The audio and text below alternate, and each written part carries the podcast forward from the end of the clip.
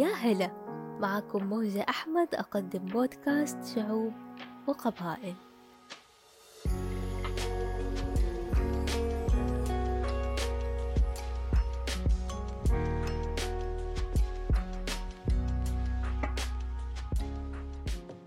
كل بلد ليها عادات وتقاليد مختلفة ويمكن تكون هذه من أكثر الأشياء اللي تخلي عندك فضول إنك تسافر.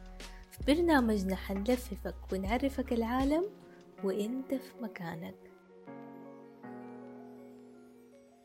رحلتنا اليوم في دولة من أغرب وأكأب الدول في العالم وأكثرهم غموض. شي كده ما تتوقع أنه موجود في الدنيا في 2021 برئيسها وقوانينها وأحكامها. بس قبل لا أقول لكم إيش هي حابة إني أبدأ رحلتنا اليوم بسؤال مختلف. افرضوا لا قدر الله صارت حريقة في مكان أنتم موجودين فيه. إيش أول شي حيخطر على بالكم؟ إنكم تنقذوه وتبعدوه عن الحريقة طبعا حيكون في إجابات مختلفة لكل واحد. في اللي حياخد فلوس شايلها واللي حياخد أوراق مهمة واللي حيقول أهم شي أنقذ نفسي وأهلي. بس لو أنت من سكان كوريا الشمالية فحيكون رأيك مختلف تماما عن كل دي الأشياء. لأنك أصلا ما عندك غير اختيار واحد فحيكون الأهم إنك أولا وقبل أي شي تاني لازم تنقذ صورة الزعيم الكوري الشمالي وتبعدها عن الحريقة. حنطير اليوم مع بعض لشرق آسيا وتحديدا كوريا الشمالية.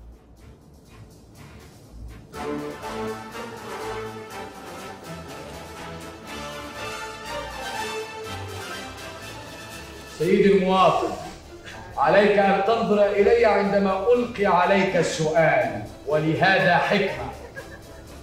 سيدي المواطن هل أنت من المؤيدين لي ولحكمي وحكومتي تأييدا مطلقا أم أنك لا قدر الله من المعارضين؟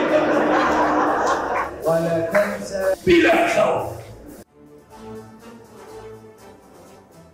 محمد صبحي في مسرحية تخاريف دي بالضبط الشخصية اللي تيجي في بالي لما أقرأ أي شيء عن رئيس كوريا الشمالية.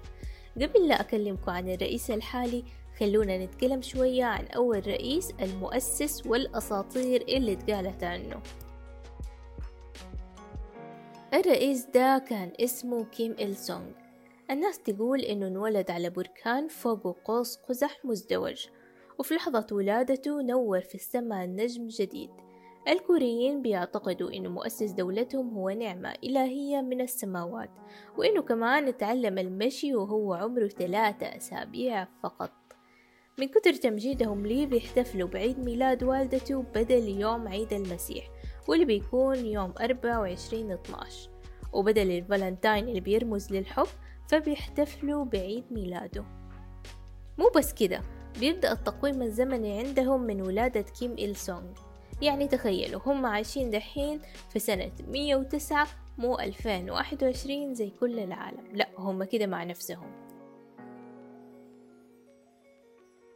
بالنسبة لرئيس كوريا الحالي اللي بتشوفه في الأخبار هو كيم جونغ أون. اتولى الحكم بعد إعلان وفاة والده في ديسمبر 2011 وسموه الوريث العظيم. ما حد يعرف تاريخ ولادته الحقيقي في اللي قالوا سنة 1983 واللي قالوا 84 كل شيء في دي البلد غامض وغريب ومو مؤكد. أكتر شيء اشتهر فيه أول ما مسك الحكم هي سلسلة الإعدامات اللي نفذها. في سنة 2015 أعدم حوالي 15 مسؤول لأسباب مختلفة وغريبة. زي مثلا إنه أعدم رئيس المهندسين اللي صمم المطار الجديد علشان ما عجبه التصميم ووزير التعليم علشان نام في اجتماع وأعدم مسؤول علشان قدم مشروع للدولة اعتبروا الرئيس فيه تحدي ليه هذا غير وزير الدفاع اللي أعدمه في ساحة عامة بمدافع طيارات علشان نام خلال عرض عسكري. ما سلم منه حتى قرايبه لأنه أعدم حوالي سبعين شخص ومسؤولين من المقربين ليه لدرجة أنه أعدم زوج عمته بتهمة الخيانة العظمى. فيقال أنه قدموا كوجبة في قفص حديدي لمية وعشرين كلب صيد كان مجوعهم لمدة خمس أيام. الطريف والغريب في الموضوع إنه ينطبق عليه مثل يقتل القتيل ويمشي بجنازته لأنه راح عز عمته عادي جدا. لكن بعد ما كثرت شكوتها من إعدام زوجها تقريبا حب يخلص من الزن فأمرها تشرب قارورة سم خام بعد ما اتهمها بالخيانة. عمته هذه كانت البنت الوحيدة لجده مؤسس كوريا الشمالية اللي حكينا عنه كيم إل سونغ. هو غالبا نقدر نقول أي أحد يضايقه أو يشك في ولائه أو حتى ما يعجبه بيعدمه على طول. زي ما قلنا كل شيء في كوريا الشمالية غامض حتى زوجة الرئيس. المعلومات عنها قليلة جدا. ما حد يعرف عن تاريخها قبل الزواج أي شيء لأنه غير اسمها بالكامل ومو معروف. اسمها الحقيقي أو عمرها أو أهلها. كل هذه أشياء سرية. أول مرة ظهرت كان في 2012 في حفلة موسيقية مع كيم جونغ أون. وبعدها أعلنت وسائل إعلام كوريا الشمالية رسميا إنها زوجته. بيعتقدوا الناس إنهم تزوجوا في 2009 ما حد يعرف عدد أطفاله الحقيقي بس يقال إن عنده ثلاثة أطفال. المصادر بتقول إنه زوجة كيم جونغ أون قبل الزواج درست ستة شهور في جامعة كيم إل سونغ علشان تصير سيدة كوريا الشمالية الأولى.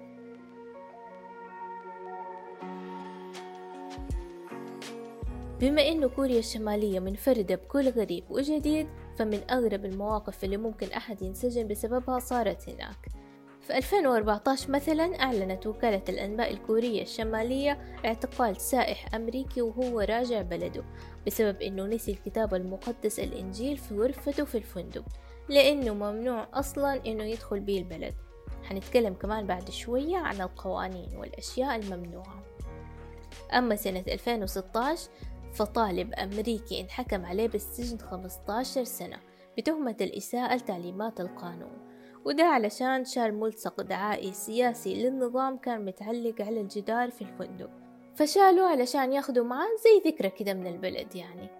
رغم أنه في 2014 وزارة الخارجية الأمريكية حذرت الأمريكيين من السفر لكوريا الشمالية بسبب خطر السجن والاعتقال بسبب أشياء ما تعتبر إجرامية أصلا في أي مكان خارج كوريا الشمالية. بعد كل الأشياء الغريبة والغامضة اللي قلتها لو أحد فيكم جاء فضول ويحب المغامرة وفكر إنه يسافر كوريا الشمالية يكتشف بنفسه ركز كويس في إجراءات السفر اللي حقولك هي وارجعي التفكير. يا مسافر وحدك يا مسافر وحدك وفايتني ليه تبعد عني.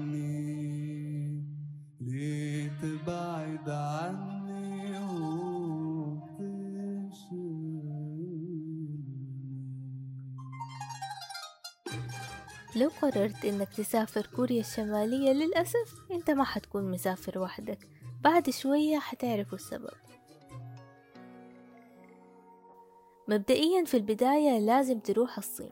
بتجلس هناك مع مسؤولين من الحكومة الكورية يشرحوا لك إيش اللي المفروض تسويه واللي المفروض ما تسويه وإنت هناك.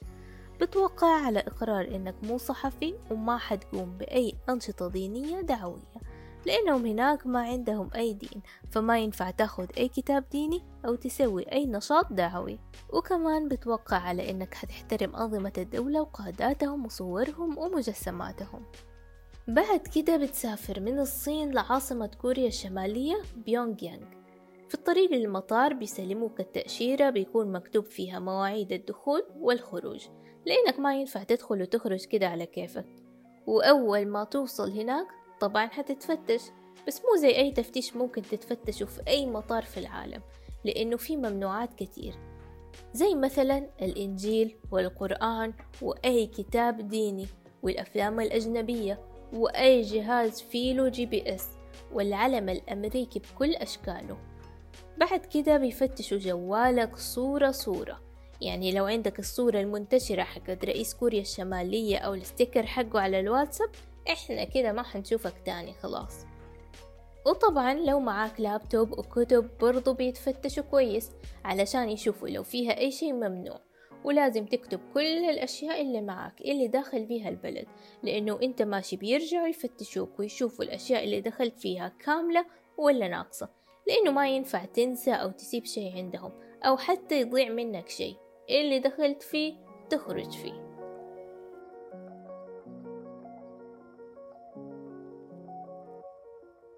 بعد ما تدخل البلد بيعينوا لك اتنين مرافقين من الحكومة.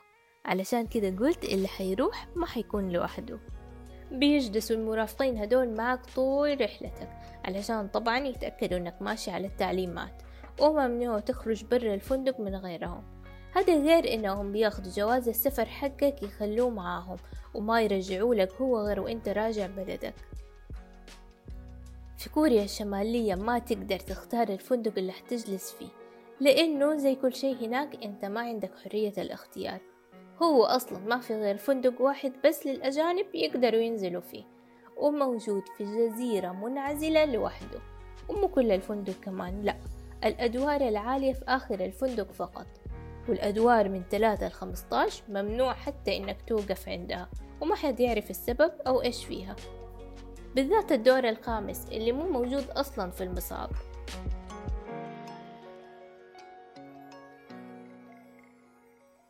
وطبعا لك برنامج معين بأماكن معينة تروحها لأنك محر هناك فما ينفع تمشي في أي مكان في البلد زي ما أنت تبغى. لا في أماكن معينة وفي أوقات معينة وزي ما قلنا بيكون معاك الاثنين مرافقين.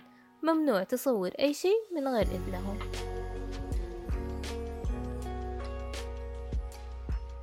لو أحد توتر أو قلق روقوا كده وهدوا أعصابكم لسه حنتكلم أكتر عن الحياة هناك.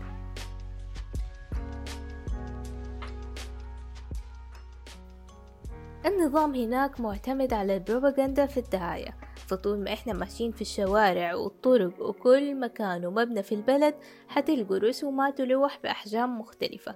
غالبا بتكون يا عن تفوق كوريا أو ضد أمريكا لأنهم بيعتبروا أمريكا العدو الأول لهم. أو بتكون صور الرئيس كيم جونغ أون أو والده أو المؤسس جده. وهذه هي الرسومات الوحيدة اللي ممكن تشوفوها في كوريا الشمالية. لأنها البلد الوحيدة في العالم اللي ما فيها أي دعاية أو إعلانات تجارية. من الأشياء المهمة كمان اللي لازم تعرفوها لو رحتوا هناك إنكم لو أشرتوا على أي صورة من الصور هذه زي ما بنأشر عادي كده بإصبعنا على أي شيء حيمسكوك وحتنسجن على طول. لأنه لازم تأشر عليها بيدك كاملة وما ينفع تعطي أي صورة أو تمثال ظهرك.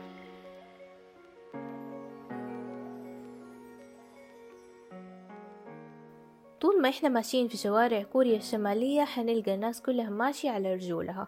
ونادرا إذا لقينا سيارة مرت. وده علشان ثلاثة في المية بس من الشعب عندهم سيارات. وغالبا بيكونوا أساتذة وعلماء ودكاترة أو عسكريين وفي مناصب مهمة. يعني ما في لا زحمة ولا إشارات ولا طريق واقف ولا أي شيء من دي الأشياء. هذا غير إنه حنلقى الشعب كله إجباري معلق شي زي البن كده أو الدبوس في ملابسهم جهة اليسار عند القلب. بيكون عبارة عن علم أحمر عليه صور القادة. الحكومة بتعطي لهم هي أول ما يصير عمرهم 14 سنة. وممنوع يشيلوها أبدا. وهذا من الأشياء اللي تخلينا نميز الشعب الكوري الشمالي عن غيرهم لأنهم مستحيل يعطوها للأجانب. البلد كلها في الليل بتصير الظلام لأنهم بيقفلوا كل الأنوار. حتى الناس في البيت ممنوع يشغلوا الأنوار. يعني لو شفتوا صورة من القمر الصناعي حتلقوا كوريا الجنوبية منورة عادي زي أي بلد وكوريا الشمالية كأنها بحر. لأنه ما في أي أنوار في البلد كلها غير بس اللوحات اللي في الشارع اللي عليها صور القادة الثلاثة. الناس هناك ما ينفع يختاروا الحلاقة اللي هيحلقوها أو تسريحة شعرهم لأنه متحدد لهم 28 قصة شعر يختاروا منها وممنوع يخرجوا عنها أو يحلقوا زي حلاقة كيم جونغ أون. البنات عندهم 18 قصة مسموحة والرجال عشرة وطبعا ممنوع صبغات الشعر. بالنسبة للإعلام والتكنولوجيا عندهم فلو فتحتوا التلفزيون حتلقوا عندهم ثلاثة قنوات بس بتتكلم عن الزعيم كيم جونغ أون وأخباره ووالده. الإنترنت عندهم نسبة قليلة جدا اللي بتستخدمه اللي هي واحد في المية بس يعني تقريبا مو موجود أصلا. وفي 28 موقع فقط كوري شمالي هم بس اللي شغالين. الإذاعة الحكومية شغالة طول اليوم في الشوارع والبيوت. وممنوع يقفلوها أبدا. وإذا أحد سمع أي إذاعة أجنبية بيعتبروه خاين وينعدم على طول. أما بالنسبة للجرايد والكتب والمجلات كلها تابعة للحكومة وبيتحكموا في اللي ينكتب فيها. أما المكالمات الدولية لا تتفائلوا وتفتكروا إنها مسموحة. لا هي كمان ممنوعة وبتؤدي للإعدام. ما في أي تواصل مع الخارج. كيم جونغ أون مقفل على الشعب ما يبغاهم يعرفوا أي شيء برا كوريا الشمالية.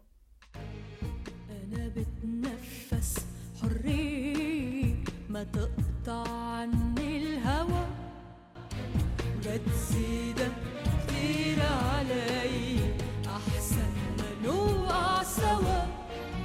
ما بتقدر أبدا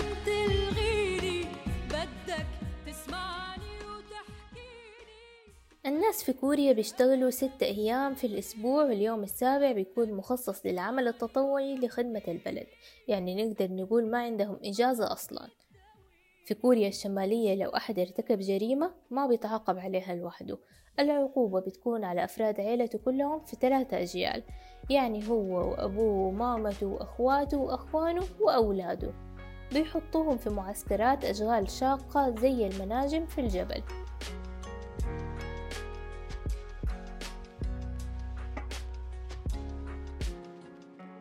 في النهاية أبى أقول إنه بعد كل ده الشعب الكوري الشمالي مغيب تماما وبيعتقدوا إنهم أفضل شعب في العالم.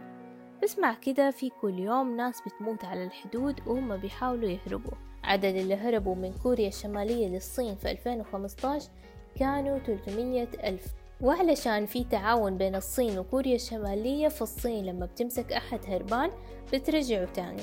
لدرجة الناس اللي هربوا وراحوا الصين بيقولوا إنهم بيخلوا معهم سكينة أو أي شي حاد علشان عندهم استعداد يموتوا نفسهم يوم ما ينمسكوا علشان يرجعوهم كوريا تاني. الموت عندهم أرحم من إنهم يرجعوا.